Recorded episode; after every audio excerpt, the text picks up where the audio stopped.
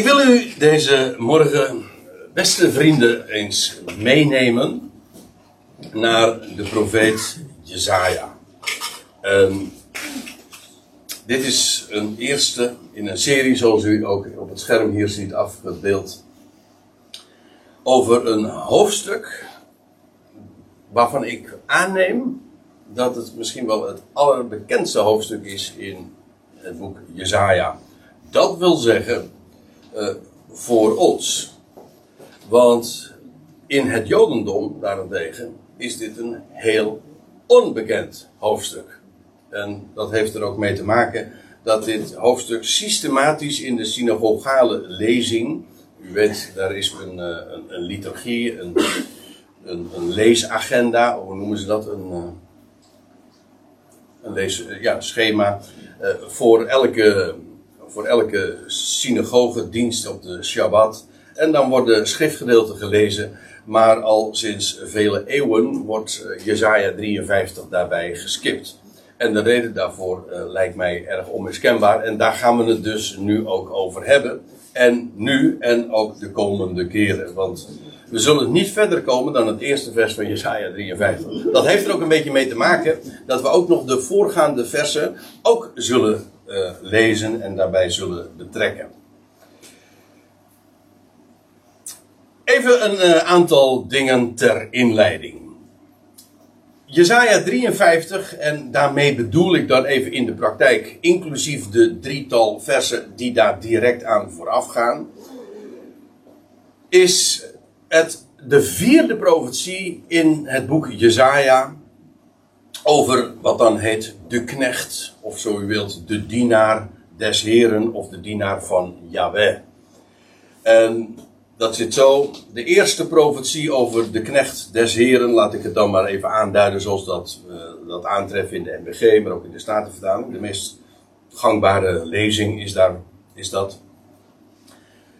En dat wordt ook zo aangeduid, iedere keer eh, dat er gesproken wordt over de knecht des Heren of over mijn knecht.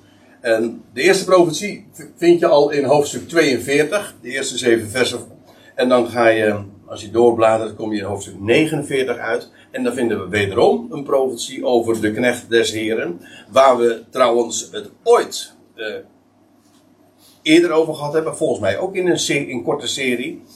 En daarna nog een derde, kortere profetie, de, in hoofdstuk 50. En dan nu dus de vierde profetie en tevens de laatste. Namelijk vanaf Jezaja 52 vers 13 tot het einde van hoofdstuk 53. Het is heel boeiend.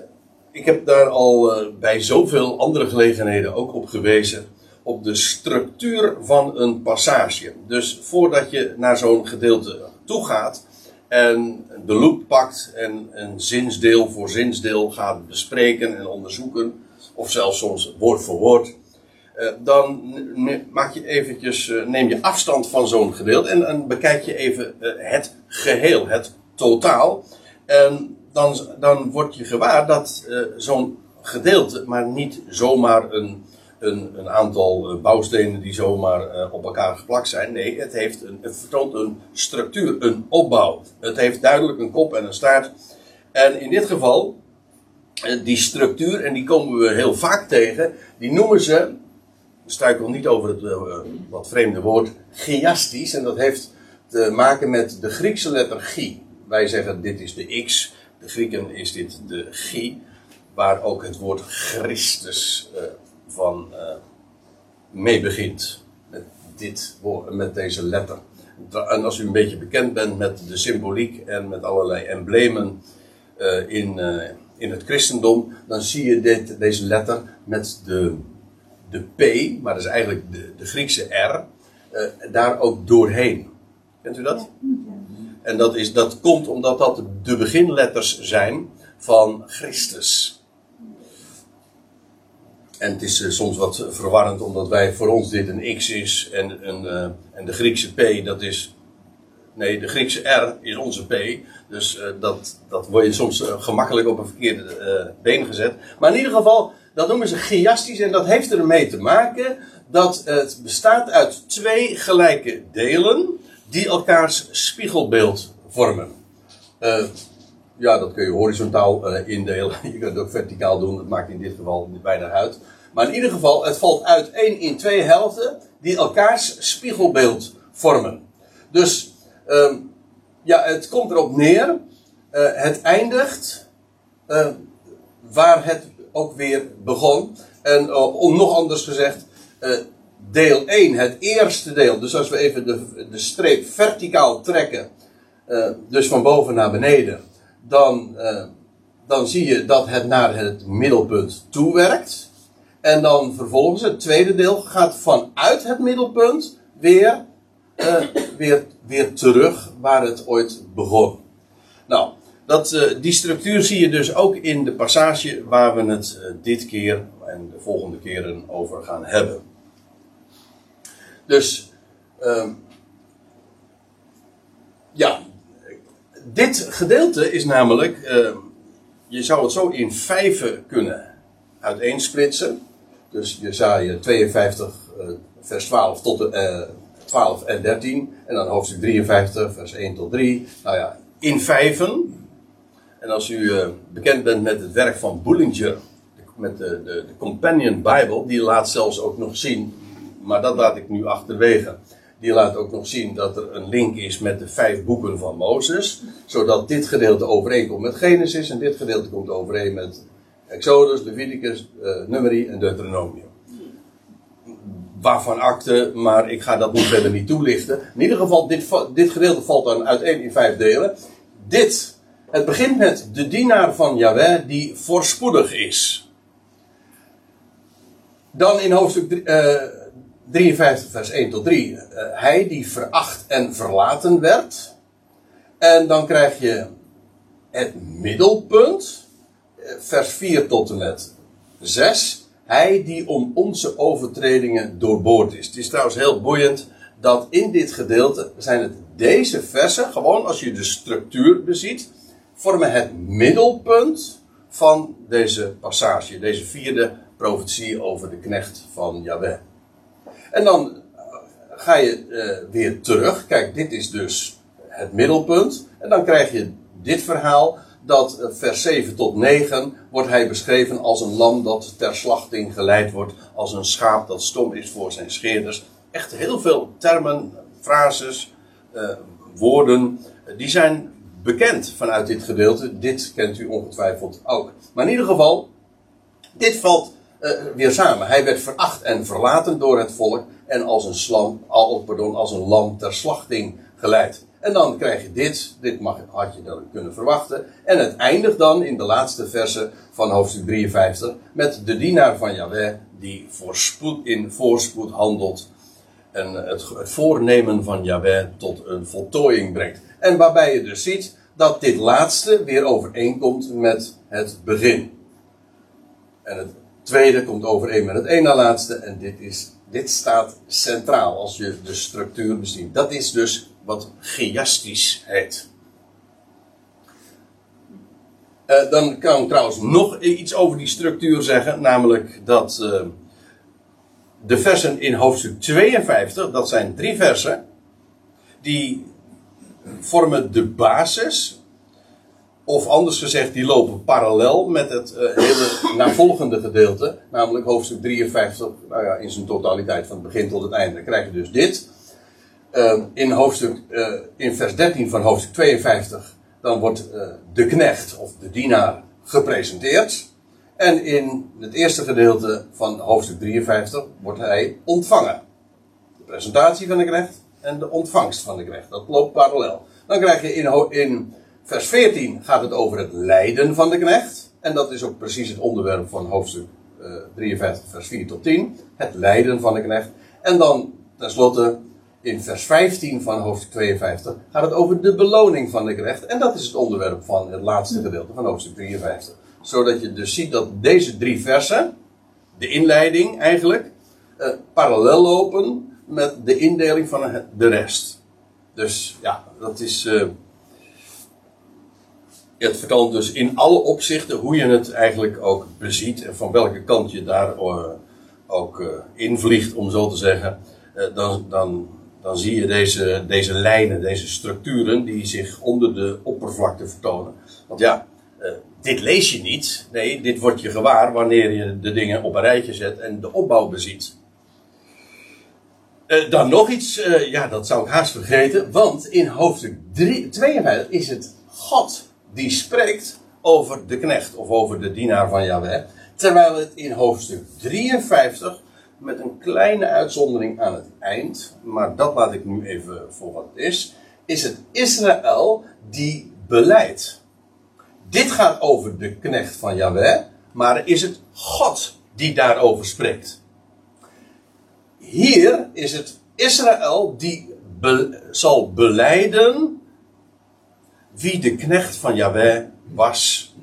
En ze zullen dan zal men ook tot de erkenning komen, feitelijk, en dat, dat zullen we echt in het navolgende nog veel duidelijker zien, maar ik wil alvast eventjes deze aanzet geven.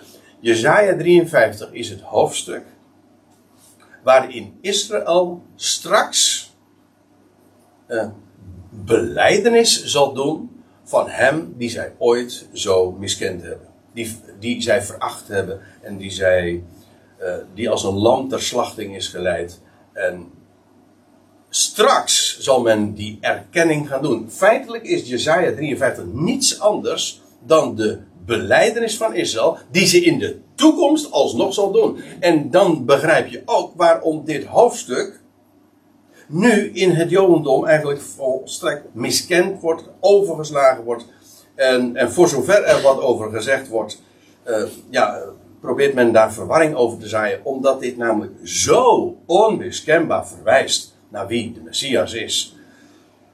Maar er komt een moment dat men tot zicht en inzicht uh, daarvan zal komen en dan zal de mond ook open gaan en zal men deze dingen ook gaan erkennen. Ja, want dat moet duidelijk zijn. Dat is, uh, het is eigenlijk een spoiler wat ik nu zeg, want dat moet allemaal nog blijken. Maar het is een nauwkeurige profetie over wie de Messias zou zijn. Want u moet zich realiseren, Jezaja sprak deze dingen uit, pakweg zes eeuwen, voor uh, de komst van Christus. In ja, de zesde eeuw voor onze jaartelling, ongeveer. En, uh, en ja, wat het hoofdstuk laat zien is hoe het volk die knecht zou verachten en miskennen. Ik wees er al even op dat het, uh, het ontbreekt in, de, in het leesrooster van de synagogen. Maar, uh, en dat het spreekt van de Messias, ja, uh, dat, dat zullen we zien. Maar ik, ik zal u het zo vertellen. Als je het allemaal even op een rijtje zet, gewoon chronologisch. Het verhaal van de Messias je vindt het allemaal terug in deze vierde profetie aangaande de knecht van Yahweh. Ga maar na. Er wordt gesproken over zijn afkomst, over zijn optreden en werken, over zijn verwerping door het voort dan in de eerste instantie, over zijn strafproces, over dat wat dus voorafgegaan is voordat hij gekruisigd werd, over zijn sterven, over zijn begrafenis, over zijn opstanding, over zijn verhoging, over zijn tegenwoordige verberging. En dat is de ultieme uitkomst, waar het eigenlijk al mee aanvangt, zijn toekomstige verschijning en ook zijn heerschappij en zelfs de ultieme bekroning van zijn moeitevol lijden. Dat, is ook, dat, is, uh, dat zijn termen die ontleend zijn aan dit gedeelte. Om zijn, om zijn moeitevol lijden zal hij het zien tot verzadiging toe. Dat wil zeggen, hij zal volledige bevrediging ontvangen voor dat waarvoor hij geleden heeft. En dat is zoals Jezaja 53 dan, dan eindigt. Maar al deze dingen, eigenlijk alles wat, uh, wat je kunt vertellen over de, over de eerste komst van Christus, zelfs zijn tegenwoordige verberging, maar ook wat hij uh, zal doen straks in de toekomst en hoe hij zal gaan regeren. Het wordt allemaal vermeld in dit hoofdstuk. Het is fenomenaal hoe, hoe nauwkeurig de schrift daarin is. En ja, we hebben al zo vaak in deze samenkomsten overlegd en, en overwogen, dat is het woord, dat uh, het woord van God nooit zoals mensen dat doen voorspellen. Of eh, ja, het woord voorspelt niet, het woord voorzegt. Met grote nauwkeurigheid uh, hoe de dingen zullen zijn, waar het zal plaatsvinden. Uh, nou, alle details. Zelfs wanneer het zou zijn. Hoewel, daar gaat Jezaja 63, pardon, 53 niet zozeer over. En dat deze profetie, inderdaad, deze passage, uh, spreekt over de Heer Jezus Christus. Ja, dat uh, moet uh, heel, heel, duidelijk zijn. Dat is tot dusver natuurlijk ook al goed uit de verf gekomen, lijkt mij, wat, wat ik nu over heb gezegd. Maar ehm, het is ook zo dat als je nu als je een Bijbel hebt met, met verwijzingen, met met in de kantlijn eh, voetnoten waarbij dan verwezen wordt naar als het geciteerd wordt in het Nieuwe Testament. Dan, dan kom je zo 13, 14 plaatsen tegen uh, in het Nieuwe Testament waar het zij nadrukkelijk verwezen wordt naar, deze, naar dit gedeelte, of er wordt aan gerefereerd doordat dezelfde terminologie gebruikt wordt. Meer dan een handvol, uh, twee handen vol uh, verwijzingen in het Nieuwe Testament vind je inderdaad naar dit gedeelte. En dan is het telkens ook weer onmiskenbaar uh, dat dit inderdaad spreekt van de Messias. Het is duidelijk ook zo dat als je leest in het boek Handelingen. Dat als de apostelen hebben getuigd, te midden van hun eigen volksgenoten, van wie de Messias is, dat zij ook dat Jezaja 53 daarin zo'n centrale rol in neemt. Niet uitsluitend, zeker niet. Maar het is wel, het is wel een van de, ja, de kroonjuwelen van het getuigenis aangaande de Messias. En vooral ook over zijn eerste komst. Over, zijn, over het lijden dat over de Christus zou komen. En uh, het wordt zelfs ook expliciet gezegd, want ik weet niet uh, in hoeverre u daarmee bekend bent, maar in Jezaja, uh, in, in het boek Handelingen, is er een geschiedenis, en wel in Handelingen 8, waarin heel uitdrukkelijk verwezen wordt naar Jezaja 53, en ook meteen een uitleg gegeven wordt en verteld wordt op wie het betrekking heeft. Zonder enige uh, twijfel, of het is onmiskenbaar. Dat is die gelijk, uh, nee, gelijkenis, dat is die geschiedenis van die, uh, die man, die uh, Rijks. Hoe heet die ook alweer in de. Hè? Ja, maar de Rijks, nog wat. nou ja, het was in ieder geval een, een hele hoge. Een minister van Financiën, want hij was Rijksschatbewaarder. Zo, was, zo geloof ik, of schatbeheerder van. Ehm, ja, uit, uit Ethiopië. En vermoedelijk hebben we te maken met een proseliet, want hij kwam terug van. Uh, hij had aanbeden in Jeruzalem. En, nou ja, en hij was nu weer op de terugweg. En hij had waarschijnlijk, zo mogen we aannemen, een, een boekrol. Wat trouwens erg uh, kostbaar was. Maar in ieder geval, hij had een boekrol van Jezaja. En hij las die. En uh, Filippus wordt erop uitgestuurd, op een wonderlijke wijze. En, nou ja, die. ja, die hoort hem dan lezen. Daar staat, ik, ik lees, begin even te lezen vanaf vers 30. En, um, en Filippus eh, liep snel erheen, dat wil zeggen naar die wagen. Die man die zat op, uh, ja het was een hele een hoge, een hoge Piet zal ik maar zeggen. Nee, met de naam Piet heeft daar verder niks mee te maken hoor. Dan zeg god, wat klinkt dat arrogant. Maar goed, uh, het was een, een, een, een man met een, eh, een hele hoogstaande functie. In ieder geval, Filippus vervoegt zich bij hem. Filippus liep snel daarheen en hoorde hem de profeet Jezaja lezen en zeide: Verstaat jij wat je leest? Ik lees dit even vooruit de NBG-vertaling. Versta je wat je leest? En hij zeide: Hoe zou ik dit kunnen als niet iemand mij de weg wijst? Zo gaat het heel vaak. Hè? Je leest iets, een, een gedeelte in, in de Bijbel en dan zeg Goh, ik, ik heb geen waar dit over gaat. Uh, kan iemand mij misschien wat daarover vertellen? Hoe, de, hoe de vork aan de stil zit? En, goed. Uh, en dan staat er van, die, van, die, van de Kamerling, de Kamerling uit Morenland, zo, staat er, zo wordt hij altijd genoemd in de MBG-vertaling. hij verzocht Filippus in te stappen en naast hem te komen zitten. En het gedeelte van de schrift dat hij las, was dit. Gelijk een schaap werd hij ter slachting geleid. En gelijk een lam stemmeloos is tegenover de scheerder, zo doet hij zijn mond niet open. In de vernedering werd zijn oordeel weggenomen. Wie zal zijn afkomst verhalen? Want zijn leven wordt van de aarde weggenomen. Eigenlijk is dit einde citaat. Dit is dus wat hij leest in Jezaja. Ik moet erbij zeggen, in de dit is de weergave van de Septuagint, dus. Maar in ieder geval, ja, dit, hij leest dus Jezaja 53, een aantal versen. En dan staat er, en de kamerling, de vraag is duidelijk. En de kamerling antwoordde en zei tot uh, Filippus, ik vraag u, van wie zegt de profeet dit? Zegt hij dit van zichzelf? Of van iemand anders?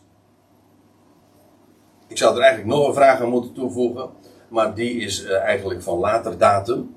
Namelijk dat, dat is de verklaring die het Jodendom nu uh, eigenlijk uh, gewoonlijk geeft. Ja, het is een profetie die gaat over het volk van Israël. Daar gaan we het echt nog over hebben. Dus dan gaat het niet zozeer over iemand anders, maar eigenlijk over een, een, of een, een compleet volk. Dat die knecht een volk zou vertegenwoordigen. Op zich niet zo'n gekke gedachte, maar in Jezaja 53 kan dat van geen kant. Hoe dan ook, Filippus, die, of deze kamerling vraagt aan Filippus, zegt hij dit nu van, zich, van zichzelf? Dus is dit de profetie van, uh, die spreekt over Jezaja? Of van iemand anders, zo ja, wie dan wel? En dan staat er vers, in vers 35, en dat is nu de reden waarom ik het ook aanhaal. En Filippus opende zijn mond.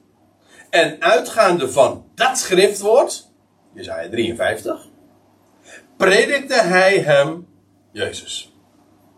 Wat ook niet zo moeilijk is, want deze hele profetie spreekt van hem. En het, het sluit daar zo naadloos uh, op aan. Dus het antwoord is ja, het, uh, inderdaad, het spreekt van iemand anders. Namelijk van die ene die ooit zou komen en die inmiddels gekomen is. En daarom, uitgaande van dat schriftwoord, predikte hij hem Jezus. Zodat, uh, ja, dit is zo'n een schriftplaat die zo onmiskenbaar is. Die, dat, die eigenlijk ook meteen de toon zet. En, maar wij gaan eigenlijk bewandelen een andere route. Ik geef nu gewoon aan waarom, hoe het Nieuwe Testament daarover spreekt. Namelijk dat het spreekt van Jezus Christus. Maar wij gaan gewoon terug naar Jesaja 52 en 53. En zullen we gewoon vanuit de tekst zelf zien hoe het inderdaad van Jezus Christus spreekt. Nou, dit was een hele lange inleiding, 25 minuten zie ik. Uh, maar ja, dit, dit zijn dingen die je eigenlijk uh, van tevoren toch moet weten. Voordat je uh, ja, iets, iets zinnigs over de, de, passage zelf kunt zeggen. Oké, okay. nou u weet, dat is inmiddels wel bekend. deze vertaling wijkt wat af van de MBG of Statenvertaling, omdat het vooral gebaseerd is op deze interlineair. In vers 13 begint dus die passage. Heel duidelijk, uh, het is een nieuw gedeelte. Zie, staat er dan, zie, mijn dienaar zal voorspoedig zijn. Hier staat dienaar, in de meeste vertalingen, MBG-vertaling, Statenvertaling staat knecht. Er staat hier eigenlijk Evet, een, ja, de meest, uh, ik denk dat de meest correcte weergave dienaar is. En trouwens, knecht is een beetje ouder ouderwets, hè, om, eh, om dat uh, nog zo te noemen. Maar uh, het is me even om het even, ik, ik gebruik de termen voor het gemak door elkaar. Dan weten we in ieder geval waar we het over hebben.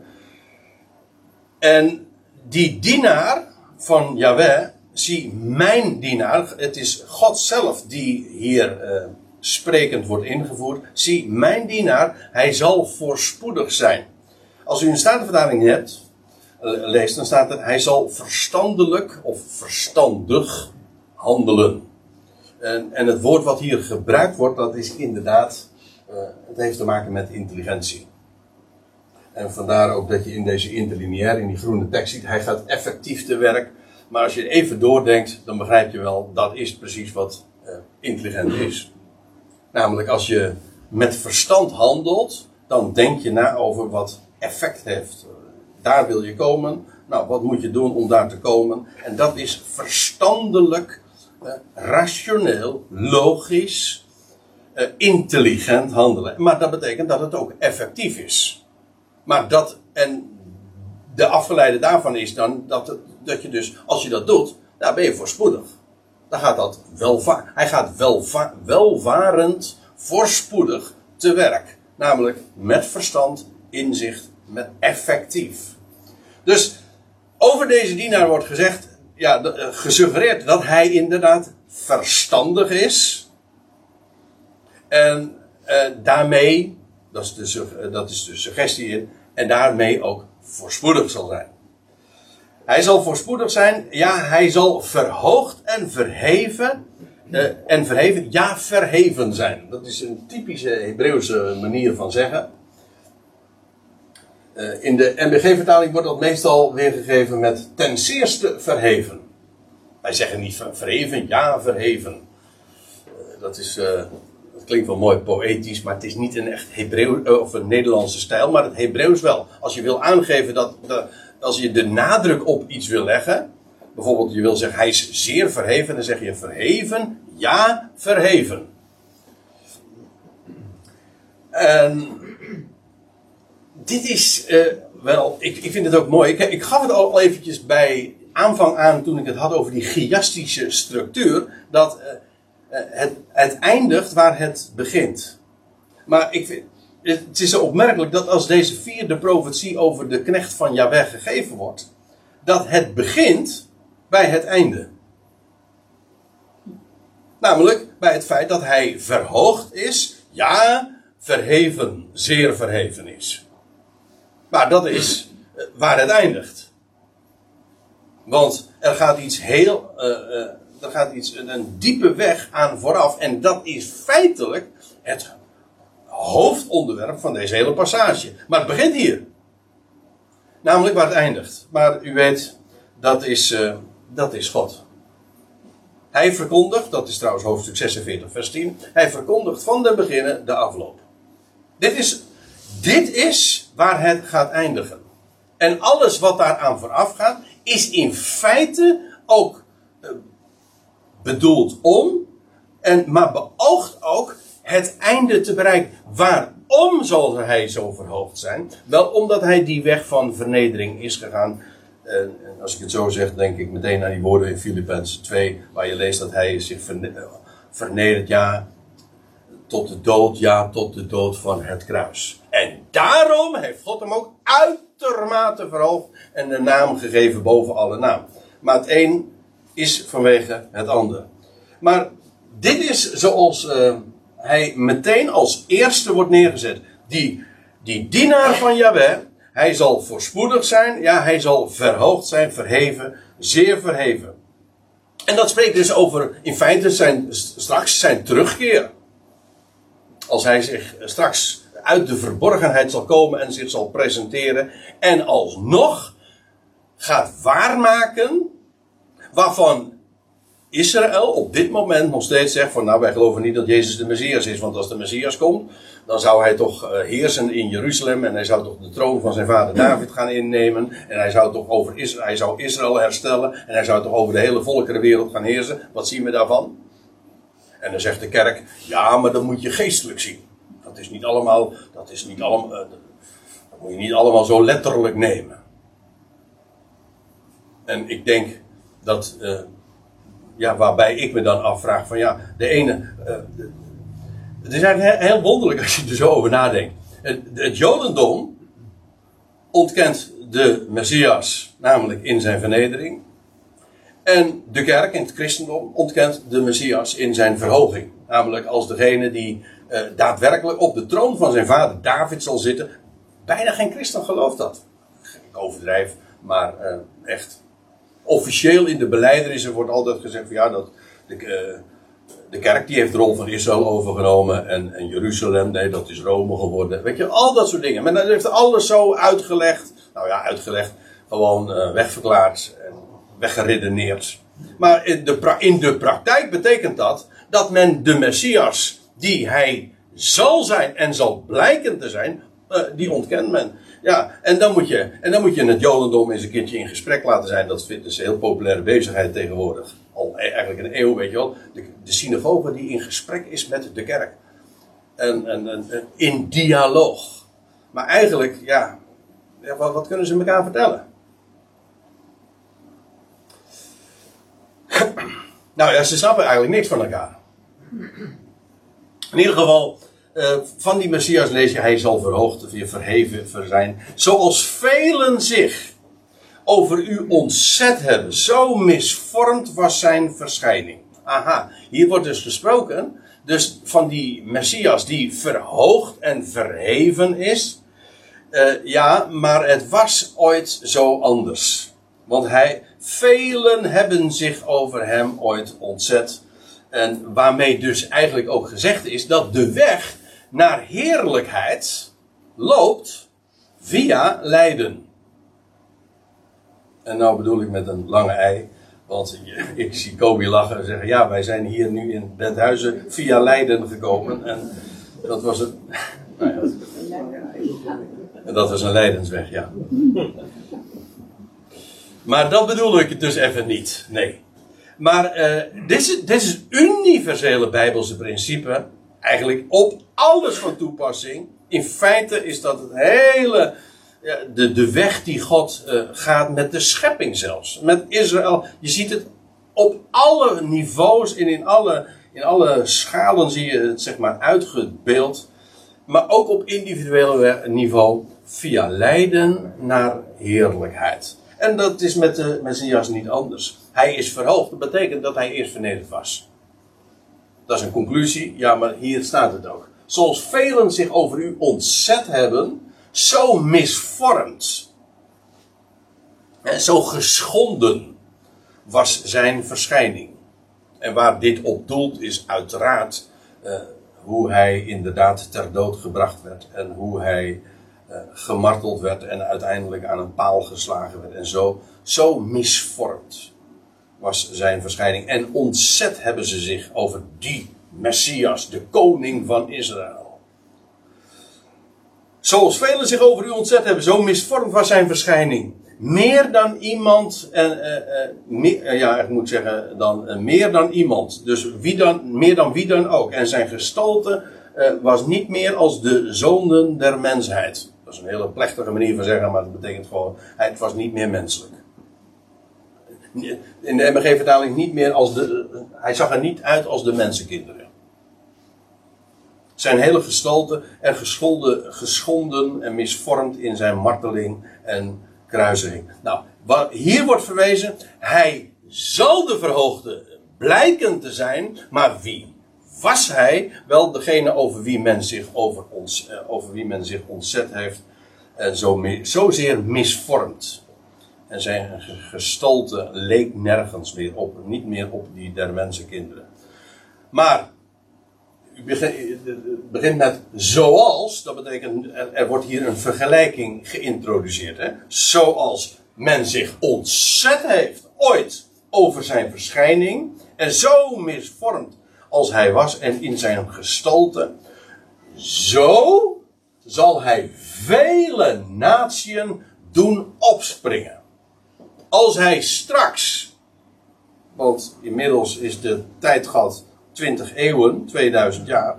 En nou ja, dat betekent dus ook, zoals u weet inmiddels, uh, want daar hebben we het al zo vaak over gehad, uh, de termijn loopt ten einde. Maar zo zal hij ook straks vele natieën doen opspringen. Dat is een beetje een lastig ding trouwens. Want uh, als je een statenvertaling hebt, dan staat hier besprengen. En ja, nou lastig valt eigenlijk wel mee, want als je er over die dingen even doordenkt, het, het, het Hebreeuwse woord dat heeft te maken met spatten.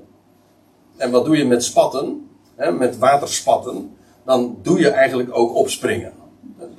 Dat is, dat is het idee. En oké, het idee daarbij is ook dat je dus uh, nat kan worden, besprengd wordt, of nou, hoe dat ook maar heet mag. Nee, ik heb het, ik heb het nu niet over wat uh, ook wel dopen uh, wordt genoemd. Eh, Ik denk dat gewoon het idee inderdaad is, hij zal vele naties doen opspatten, doen opspringen. Dat is het idee. Maar ook van verbazing. Hè? Want het was het, men ontzette zich over hem. Dat, hij, was niet meer als een mens. Hij zag er ook niet meer zo uit.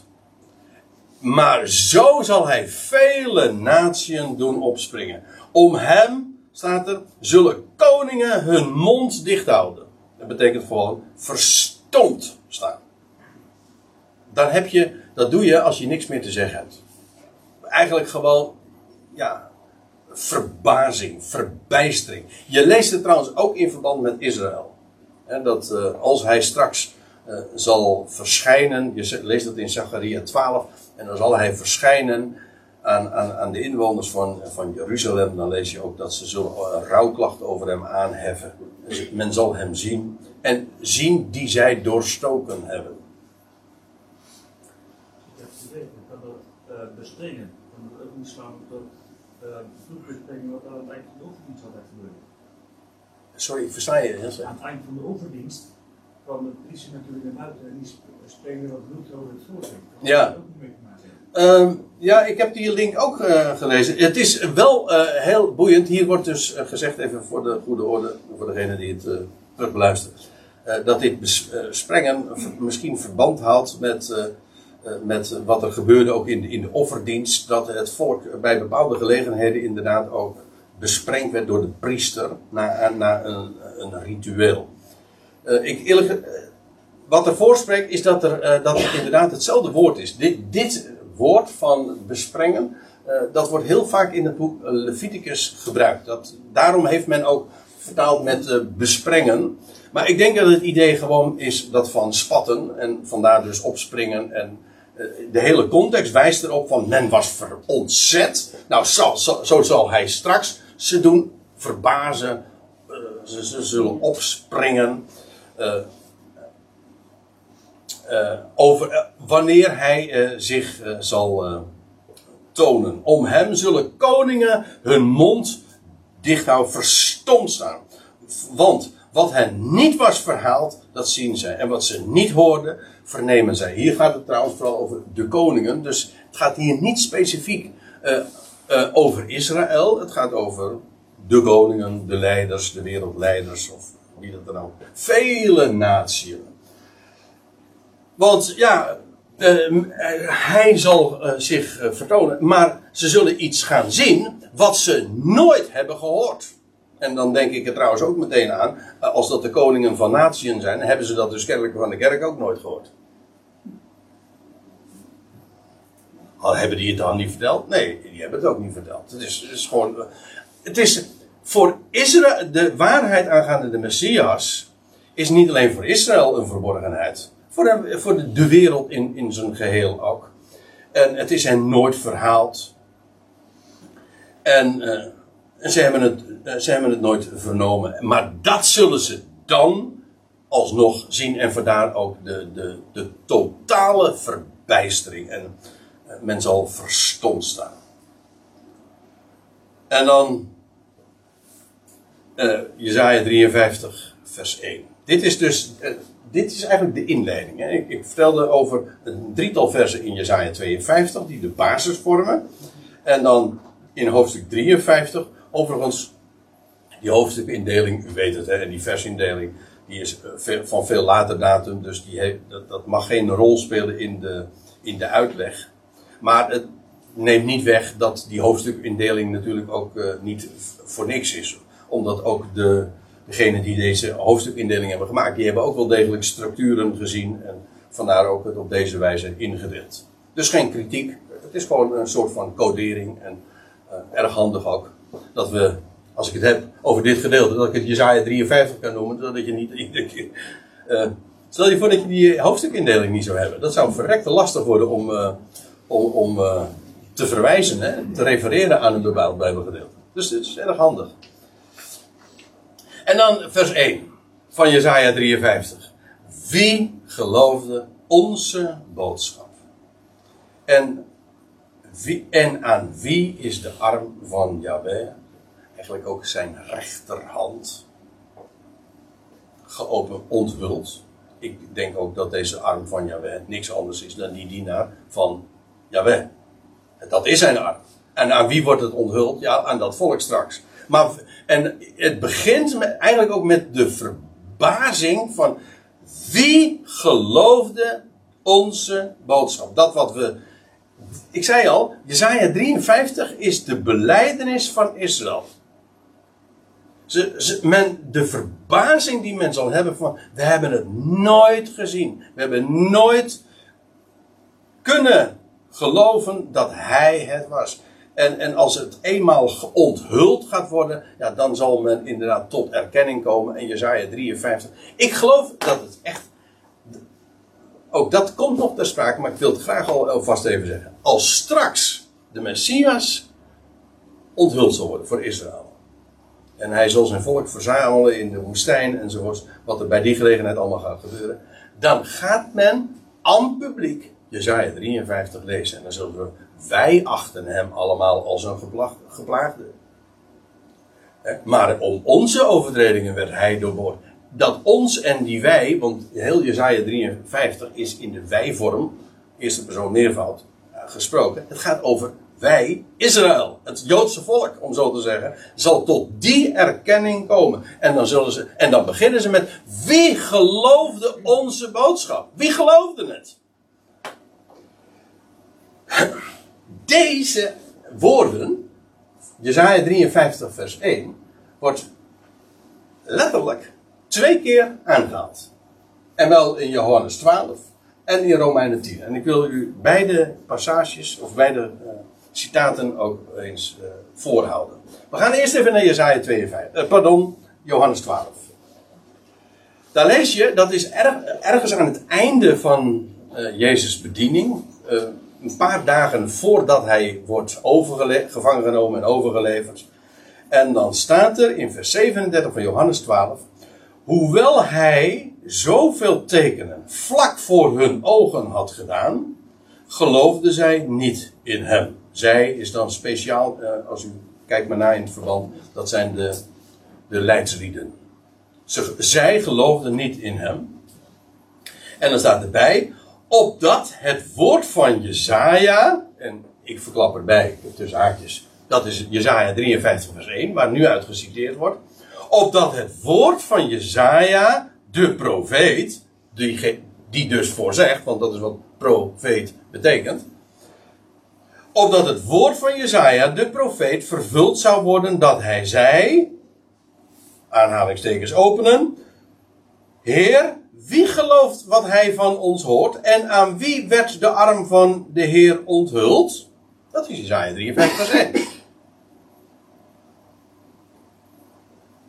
En dan zegt Johannes erbij, als commentaar, daarom konden zij niet geloven. Dus ze zagen zoveel tekenen voor hun eigen ogen. En ze geloofden het niet. En dan zeggen van, wat een miskenning. Hoe, hoe kon het hen ontgaan? Ja, zegt Johannes, waarschijnlijk enige decennia later als hij dit optekent. Uh, dat was omdat Jezaja dit al had voorzegd. Die had al aangekondigd dat men het niet zou geloven. En hij verklaart dan vervolgens ter toelichting. Daarom konden ze niet geloven. Omdat Jezaja wederom zei. En dan citeert hij trouwens uit Jesaja 6. Hij heeft hun ogen verblind en hun hart verhard. Aha, God zelf. Want die hij hier is God zelf. Hij heeft hun ogen verblind, hun hart verhard, zodat zij ziende niet zien en horende niet horen en verstaan en zich zouden bekeren. En dit is voor velen, dit is voor velen een zware, bittere pil en waar men ook niet aan wil. Ik bedoel ook nu eigenlijk, vooral in de christenheid, dat God de ogen van mensen sluit. Zodat ze het niet zien. Hier wordt het gewoon expliciet van Israël gezegd. Ze zien massale tekenen die zo overduidelijk zijn. En toch, men ziet het niet. Ze deden het voor hun ogen werd het gedaan. En ze konden het. Maar hun ogen waren verblind. Dus je kunt dus ziende blind zijn. En je kunt horende compleet doof zijn. Dat wil zeggen, je ziet het voor je ogen gebeuren en de betekenis en de waarde, de impact, de, de realiteit ervan ontgaat je geheel. En of dat nou via het visuele uh, zintuig of via de, het auditieve gaat, het, maakt niet uit. Het komt er gewoon niet binnen. Of het nou via hier of via dat, uh, het gaat er hierin en daaruit, zeggen we dan. Hè? Of hierin en daar weer uit. Weet u, dat, dat is, het, het komt gewoon, het dringt niet door. Men beseft het niet. Het komt niet in het hart. Zodat je echt van, dit is het. En hoe komt dat? Wel, de waarheid is, God opent ogen.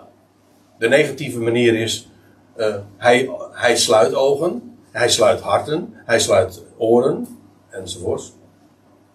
De positieve manier is, hij opent ze ook. En ik ben blij dat beide waar is. Want dat betekent namelijk, als hij opent en hij ook sluit, dan is hij ook bij machten dat wanneer hij wil dat allen zullen zien, dan opent hij gewoon hun ogen, maar dat doet hij niet allemaal tegelijk. Nu, het, fe het loutere feit dat Israël als geheel, dus de, eigenlijk moet ik zeggen het overgrote deel, als je het correct zegt, want het is een generalisatie, er zijn uitzonderingen, maar het overgrote gedeelte, gewoon eventjes, uh, als je generaliseert, uh, dan gelooft Israël dit niet, maar hoe komt dat wel? Omdat hun ogen daarvoor gesloten zijn. En vandaar ook dat ze straks zullen zeggen: Wie heeft het geloofd? Nou, het antwoord is bijna niemand. En hoe komt dat dan? Nou, God heeft gezegd: Zo moest dat gaan. En ja, en dan kom je bij een, een hele complexe vraag waar we als mensen zo vaak op stuiten. En dat is de verwarring, zoals dominee Pagé dat ooit noemde in een titel van het boek, de verwarring van schuld en lot. In hoeverre is dat nou iemand aan te rekenen in hoeverre is het nou lot? In hoeverre ben je nou slachtoffer of in hoeverre is het je nou aan te rekenen? Nou, probeer daar maar eens uit te komen. Dat is, dat is voor ons mensen eigenlijk niet te doen. En op allerlei manieren kom je daar heel vaak op eh, uit. Op, op zulke vragen van, ja, hoe komt dat nou? Je vertelt iemand iets. En, je bewijst het. En, en je, je legt het uit zodat er eh, totaal eh, niets is eigenlijk. Er is geen enkele blokkade. Het ligt ook niet aan die intelligentie. Je gaat niet vertellen van. Ja, die, die, dat Joodse volk die, die, zijn een beetje dom. Die begrijpen dat niet. Uh, want, want, we weten allemaal. Er is bijna geen. Er is nergens zo'n slim volk als, als juist daar te vinden. Ik bedoel, daar ligt het niet aan. Nee, maar waar ligt het dan wel aan? Nou, de, ene route is om te zeggen van ja, ze geloven het niet. En de, als je nog een stap verder gaat, of uh, voor mijn part nog een, een, steek dieper, dan moet je zeggen van ja, ze kunnen niet geloven. Dat is zoals, Jezaja, zoals Johannes dat hier beschrijft. Ze kunnen niet geloven, want de Heer heeft hun ogen daarvoor gesloten. En uh, dat, ja, je kunt, daar kun je tegenaan schoppen. Een heleboel mensen doen dat. Of ze proberen het weg te redeneren. Weet je wat het trouwens betekent als je dit wegredeneert? Dan hoor je bij dezelfde categorie die hier beschreven wordt. Dan geloof je het dus niet. Ja, dan geloof je het niet. Want je probeert, je probeert op, op linksom of rechtsom, je probeert er onderuit te komen. Terwijl de waarheid onmiskenbaar is, hij sluit ogen. En hij sluit ook harten. Net zo waar als dat hij ook ze ook weer op zijn tijd en wijze ook weer opent. En ja, wie krijgt daarvoor dus de eer? Hij. God krijgt niet de schuld dat hij harten sluit. Hij krijgt niet de schuld daarvoor. Hij krijgt de eer daarvoor. Hij doet dat. En dat betekent trouwens ook een hele grote dosis rust. En het is een eufemisme hoor, wat ik nu zeg. Want dit is rust. Want dan kun je namelijk de dingen overgeven aan je God. Begrijpen doe je het niet. Nee. Maar je gelooft, hij gaat zijn weg. Ook die, daardoorheen. En anders moet u het maar eens een keertje vragen aan Jozef. Nog weer uh, eh, 2000 jaar uh, verder terug. Die hetzelfde had gezegd. En ik bedoel, toen, toen hij zich bekend maakte aan zijn, aan zijn broers. En, en, en zijn broers die waren allemaal zo van, oh, hoe hebben we dat kunnen doen? En dan zegt hij, nou nee, maar jullie hebben dat niet gedaan hoor. God heeft mij hierheen gezonden om jullie in het leven te houden. dit is toch, dit is mind-blowing. Maar waarom denkt u dat Jozef zo'n rust heeft gehad? Gedurende al die jaren dat hij gezien heeft hoezeer hij miskend wordt. Reken maar dat er verdriet in zijn hart is. Maar waarom heeft hij dat kunnen dragen? Hij wist. Hij wist wat zijn broers eh, zich niet realiseerden. God ging zijn weg. God heeft mij hierheen gestuurd.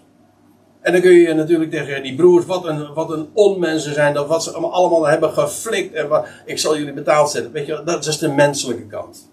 Misschien heeft hij gehoord van Abraham, die wist dat hij 400 jaar in Egypte moest zijn. Ik denk het ook. Ik denk dat Jozef veel meer geweten heeft. Hij, heeft, hij was 15 jaar toen zijn, zijn grootvader stierf. Ja. Precies. Ja, ja dus jo Jozef heeft heel wat meer geweten. En Jozef, van Jozef lezen we ook inderdaad dat hij in geloof de, de weg ging. En dat betekent dat hij vertrouwde op het woord. En God heeft hem dingen bekendgemaakt. En daar, en daar steunde hij op. En dat scheelt heel veel.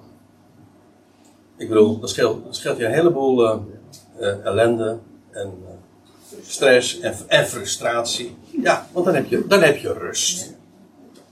Want dan kun je de dingen namelijk overgeven. En dan weet je, ik blijf het zeggen, er gaat bij God nooit iets mis. Nooit. Is er hier nou iets misgegaan? Nou, naar de mens gesproken, in ieder geval heel veel, ja. Want dan kun je ook nog eens een keer zeggen, ja, en omdat dat allemaal gebeurd is, zit Israël nu al 2000 jaar in de dikke ellende. Als ik het eventjes 2000 jaar Jodendom moet samenvatten. Hè, wat ze onder de volkeren allemaal hebben meegemaakt. Ja, maar het moest zo zijn. Het moest zo zijn.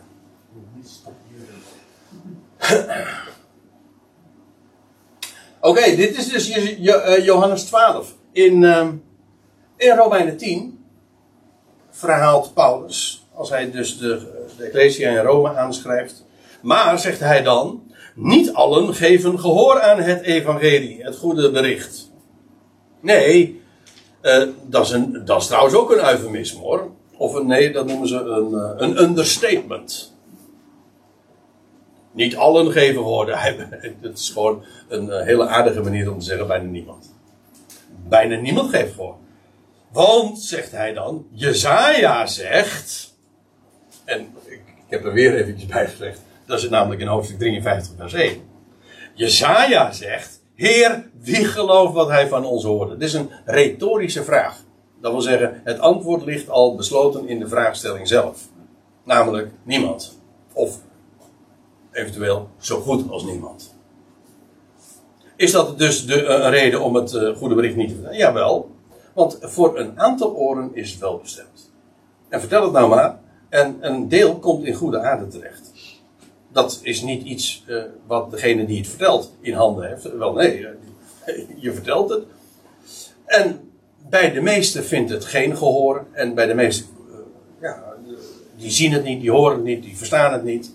Maar bij een aantal wel. Degene die, ja, het is echt zo. Ook dat is iets wat, eh, wat voor sommigen pijnlijk is. God kiest uit. En als het mag, mag zien, prijs God, dat is geen eigen prestatie. Hij heeft je ogen daarvoor geopend. En dan hoor je bij een ecclesia. Dan zeg je, god, dat is ook wel bijzonder. Ja, dat is heel bijzonder. En waar heb je dat aan verdiend? Nou, nergens aan. Helemaal nergens aan. Het, valt je gewoon ten deel. Het is als een lot uit de loterij. Het valt je ten deel. Dat is het goede nieuws voor degenen die nu zich zo miskend voelen. Want die zeggen, goh, ik- weet je, dat, zeg je, dat, hoor je dan zo vaak van, nee, goh, het is eh, vandaag als je eh, de dingen van het woord mag zien en ook veel meer in het wereldgebeuren verstaat en zeggen, ja, je bent zo'n eenling. Ja, dat is wat een eersteling ook is, hè?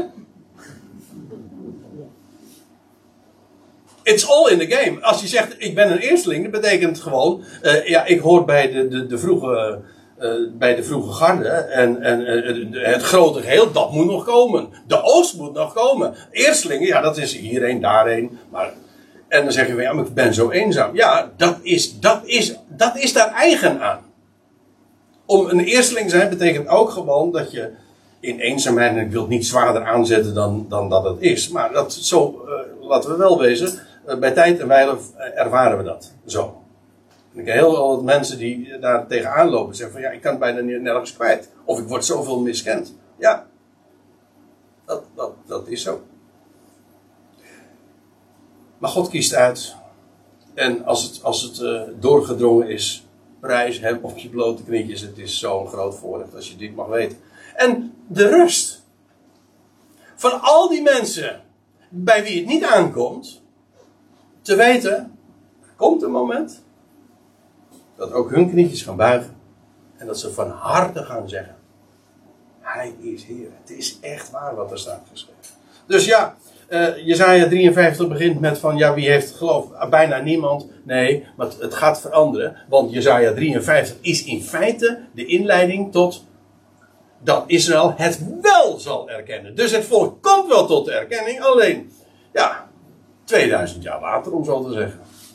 Nou, Zullen we het daarbij laten voor vandaag? Want dan gaan we de volgende keer verder met vers 2 van Jezaja 53. Want er zijn nog uh, een stuk of 11, 12 versen inderdaad te gaan.